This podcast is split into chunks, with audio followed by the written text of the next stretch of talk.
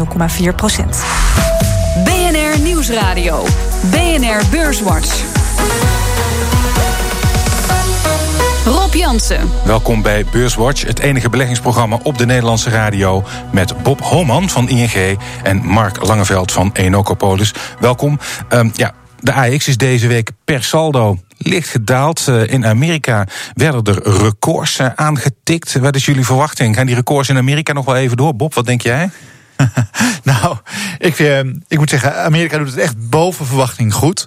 Uh, en ik zou zeggen, dan mag de rest van de wereld wel eens een inhaalslag maken op Amerika. Dus ik, maar ik ben ook niet heel negatief op, op beurs. Dus ik zou zeggen, Amerika wat vlak. En dan kunnen Europa en misschien de opkomende markten weer eens wat inhalen. Mark, hoe zie jij dat? Nou, ik denk wel dat we in de laatste fase zijn aangekomen van die, eh, die euforische beweging. En die laatste fase die je kenmerkt zich normaal gesproken altijd door grote volatiliteit. Ja. Nou, dat zien we natuurlijk de laatste weken ook steeds vaker, dat er uh, grote plussen en minnen uh, zich afwisselen. Dus dat zal voorlopig nog even doorgaan. Maar per saldo denk ik wel dat we nog iets hoger kunnen.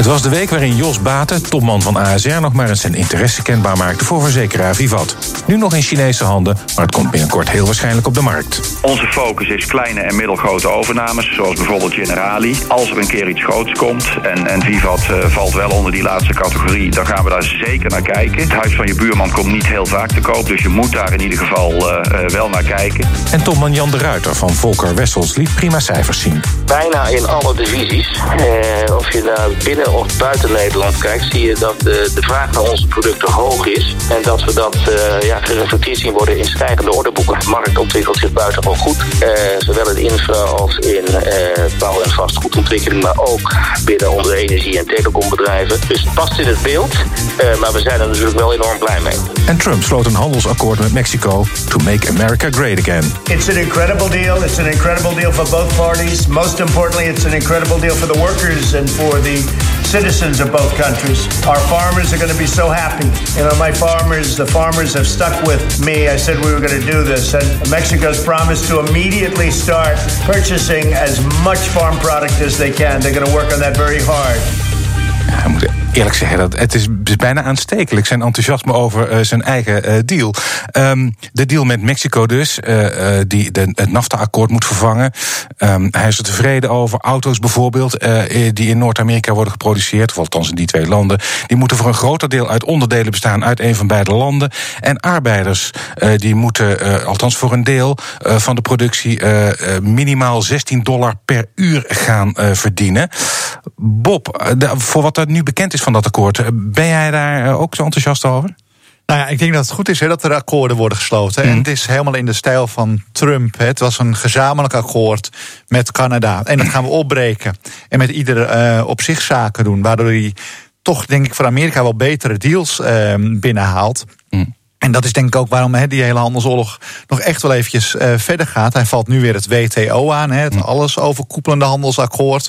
Wil hij eigenlijk ook opbreken en dan met iedereen individueel gaan onderhandelen om er net iets sterker uit te komen. Dus ik verwacht dat het nog de hele tijd boven de markt houdt. En dat Amerika ja, per saldo misschien ietsje mee opschiet. Maar uiteindelijk doet het voor de economie waarschijnlijk niet veel. Want wat Amerika doet is gewoon te veel importeren en uh, te weinig exporteren. En dat komt niet omdat ze slechte deals hebben. Nee, dat komt omdat ze op dit moment gewoon boven hun stand leven. Mm, ze leven boven hun stand. Uh, en uh, dingen worden duurder. Is het voor de Amerikaanse consument wel gunstig?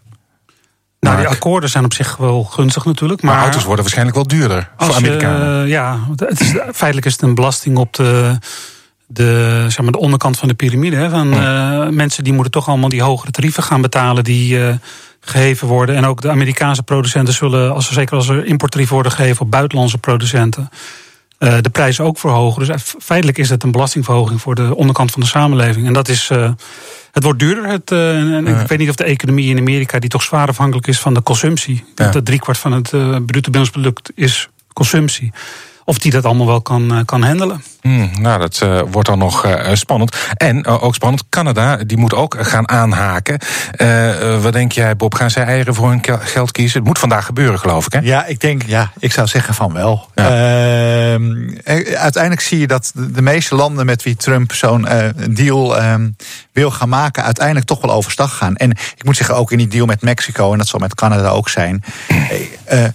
hij het zijn ook geen hele grote verschillen met Nee. zoals we. Het, het, het zijn nuances. En voor een deel heeft Trump, denk ik, met een aantal landen ook echt wel gelijk. En bijvoorbeeld vooral met China, hè, wat natuurlijk nog veel groter is.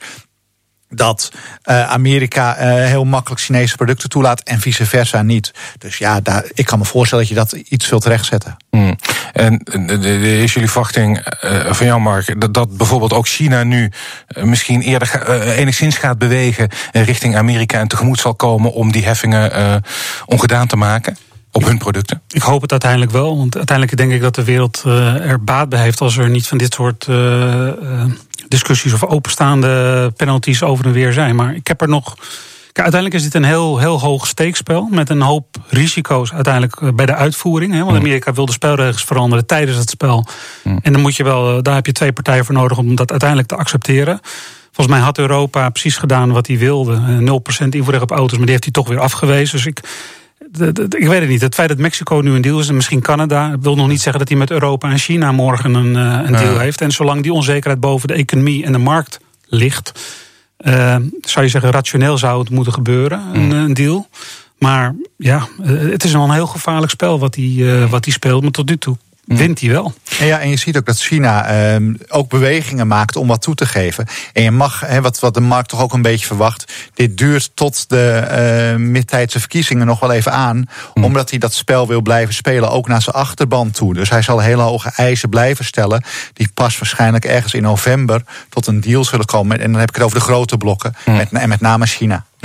Eh, over onzekerheid gesproken en ook wel weer een, toch een regelmatig terugkerend thema in Beurswatch. Die opkomende markten de laatste tijd. Turkije en Argentinië die weten zich eh, verzekerd van plekjes eh, op de voorpagina's. Argentinië wil een noodlening van het IMF vervroegd uitgekeerd krijgen. Ehm, eh, je hoorde heel lang niks over Argentinië en sinds een aantal weken, maanden is het weer mis. Bob, kan jij een paar zinnen uitleggen wat er met Argentinië aan de hand is met de economie? Nou ja, ehm, te weinig belastingen heffen en eh, te veel uitgeven. Dus dan heb je tekorten, dus dan moet je lenen. En dat hebben ze eh, voor een deel in het verleden ook in, eh, in dollars gedaan. Dollar stijgt in waarde, rente op dollars loopt het op. Dus ze komen in de problemen. Dus er moeten een aantal dingen gebeuren. Ehm, een noodlening hè, om de kort- tekorten te kunnen dekken die zijn ontstaan. Maar vooral uiteindelijk meer belasting heffen en minder uitgeven. En dat laatste, dat is het lastigste voor zo'n land. Die ook zij hebben op te grote voet geleefd. Ja, dan moet het eh, IMF, Mark, eh, versneld met, een, eh, met geld over de brug komen. Ehm, en tegelijkertijd zie je, wat me opvalt van Argentinië, is, zij hebben in tegenstelling tot Turkije wel de rente verhoogd, maar dat, dat werkt niet. Ehm, je ziet nu ook wat markt. eh, Zit er nu besmettingsgevaar in deze situatie? hè? Turkije, eh, eh, Argentinië, je ziet de andere valuta ook dalen. Hoe zie je dat? Ja, nou, de, de grote gemene delen tussen Turkije en Argentinië is toch wel het, het oplopende tekort op de lopende rekening. Dus inderdaad, ze importeren te veel en, en, en produceren te weinig. Leven boven hun stand. eh, gefinancierd met buitenlandse leningen, deels in dollars, want dat was allemaal zo aantrekkelijk. Eh, andere landen die in datzelfde schuitje vallen, dat zijn onder andere India, Indonesië. eh, Egypte, Colombia, maar zelfs Mexico en Zuid-Afrika zit ook op het randje. Dus er is wel degelijk besmettingsgevaar. Niet zozeer dat die landen elkaar besmetten, maar wel het, het patroon dat je ziet dat de landen tekorten hebben die door het buitenland gefinancierd zijn, vaak met dollars. En doordat het eigen munt nu zo devalueert, want het- in het Argentinië is het 50% nu gedaald ten opzichte van het dollar ten opzichte van 1 januari. eh, heb je dan wel een probleem als land als je je schulden in dollars moet aflossen? En dat, eh, dat probleem eh, hebben meerdere landen. Ja, dan, nog, dan nog maar één rode vlag. Althans, er werd over geschreven deze week in het, in het FD. De, de rente in Amerika. Daar zou de korte rente eh, hoger uitvallen dan de lange rente. Dus die, is die, eh, krijg je dus een hele raar, zeg maar de omgekeerde rentecurve. En dat zou duiden op een recessie. Bob, eh, ben jij ook bang? Nou ja, ik ben altijd bang. maar eh, dat moet je als belegger denk ik zijn. Maar in het, inderdaad, de afge, ehm, alle zeven recessies geloof ik na de eh, Tweede Wereldoorlog zijn voorafgegaan door die inverse rentecurve. Ja. Maar er zijn ook negen periodes geweest met een inverse rentecurve dat er geen recessie volgde. Hè. Dus Dus- geen betrouwbare dus is- indicator. Nee, Nee, eh, maar de ene kant op wel, de andere kant op niet. Het is niet zo dat als die investmentcurve er is, dus dat, eh, dan is de kans groter dat er een recessie komt. En je mag ook aannemen, hè, de, dat geeft die obligatiemarkt aan, korte rente is wat hoger. En we verwachten dus op lange termijn dat die rente weer wat lager zal zijn. Dus mm. dat het dan minder gaat. En dat is ook logisch, denk ik, want die Amerikaanse economie draait nu al wat is het, uh, bijna tien jaar of negen jaar heel erg goed. En er komt natuurlijk wel eens een periode dat het wat af gaat nemen. En dat zou me niet verbazen als dat best wel snel is. Hè, want je hebt nu dat hele fiscale plan gehad, wat een enorme boost heeft gegeven. Maar dat betekent nog niet, in mijn ogen, dat je in een recessie komt. Het kan ook best wel zijn dat je gewoon eens wat rustiger aandoet. En in plaats van 4% of 4,2 zoals nu. Um, de groei is, val een keer terug naar 2, 1,5. Ja, dat kan je best een recessie noemen. Maar is het heel erg? Ik denk het niet. Maak jij ook geen zorgen, Mark, of toch wel? Nou, ik denk dat het. Uh, kijk, doordat er zo. Als gevolg van die uh, omgekeerde rente. Ja, er wordt natuurlijk zoveel gemanipuleerd door centrale banken in rentestanden. dat je misschien niet helemaal uh, linea recta dingen uit het verleden mag extrapoleren. Maar een, als in september de korte rente weer wordt verhoogd in Amerika.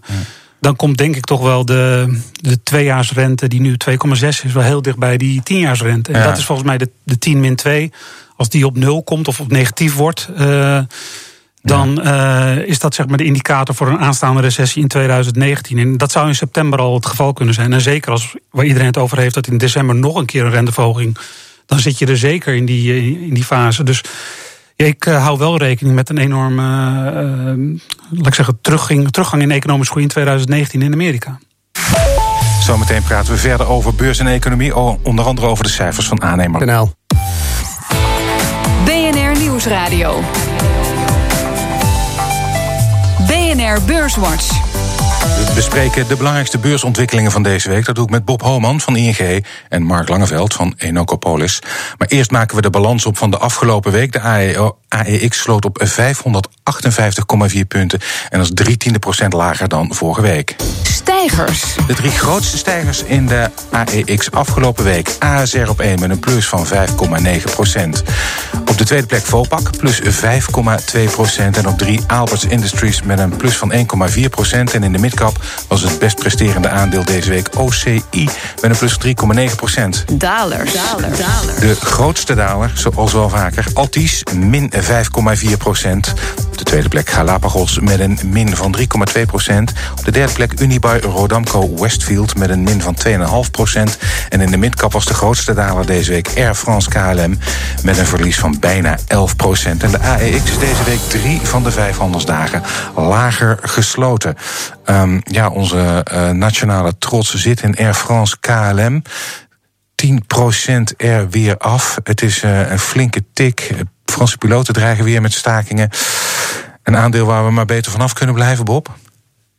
Ja, tot die stakingen over is, uh, zou ik zeggen van wel. Ik zou liever in, uh, in de Amerikaanse luchtvaartmaatschappijen zitten. Hmm. Die doen het op dit moment wel heel aardig. Die hebben ook echt uh, een decennium gehad dat ze nauwelijks winst maakten.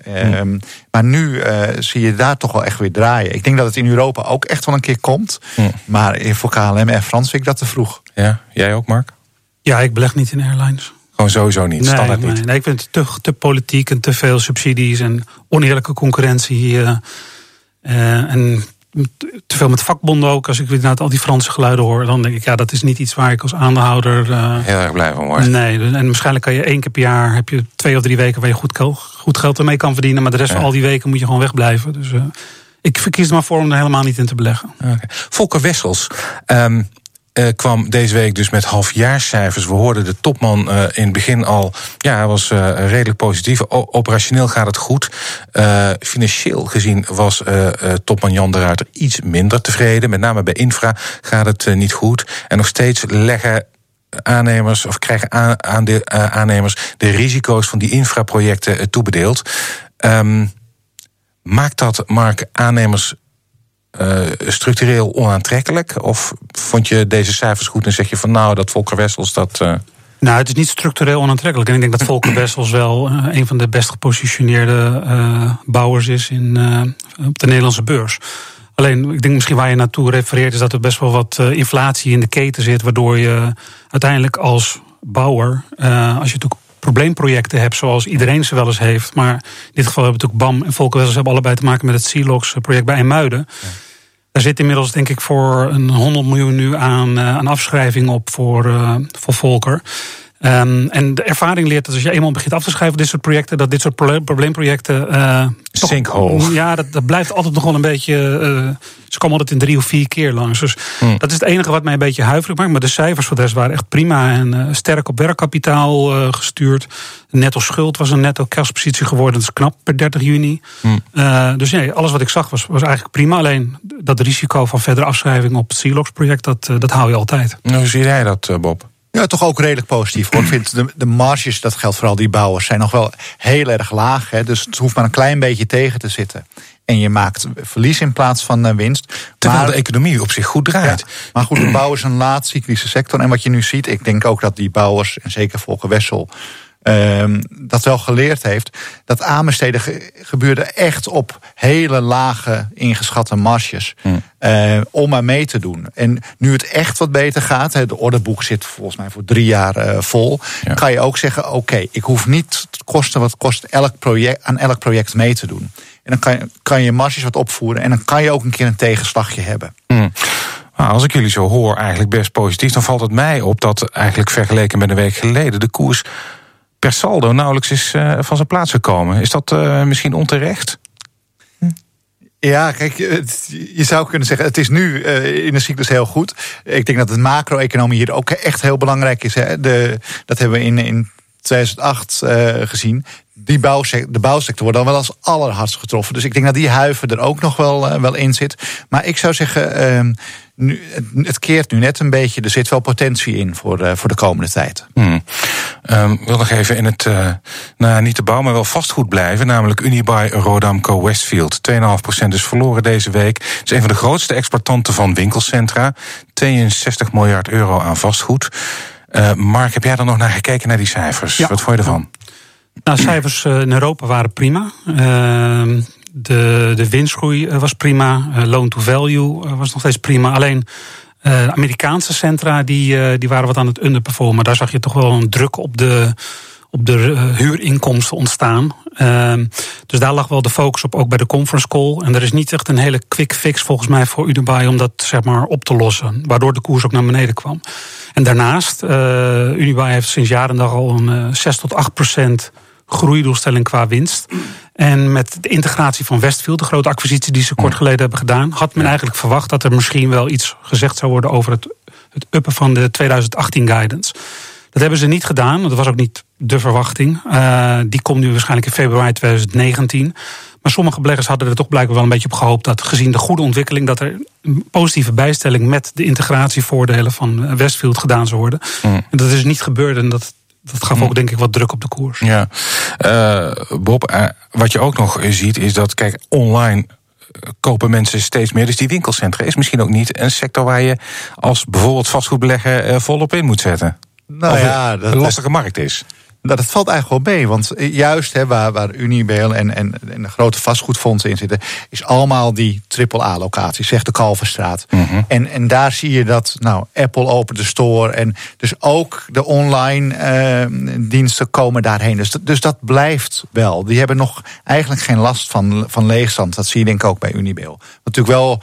Uh, is, is dat de, de, ook de huizenmarkt hè, en, en de vastgoedmarkt in Amerika. Af, ook op macroniveau de afgelopen paar weken, maanden wel wat negatieve signalen geeft. Dat het, hmm. over de top heen lijkt. Maar misschien weer het positieve nieuws. Ik zag de discount ten opzichte van de waarde van de panden hè, de, hmm. en de beurskoers is intussen wel een procent of twintig. Dus ja.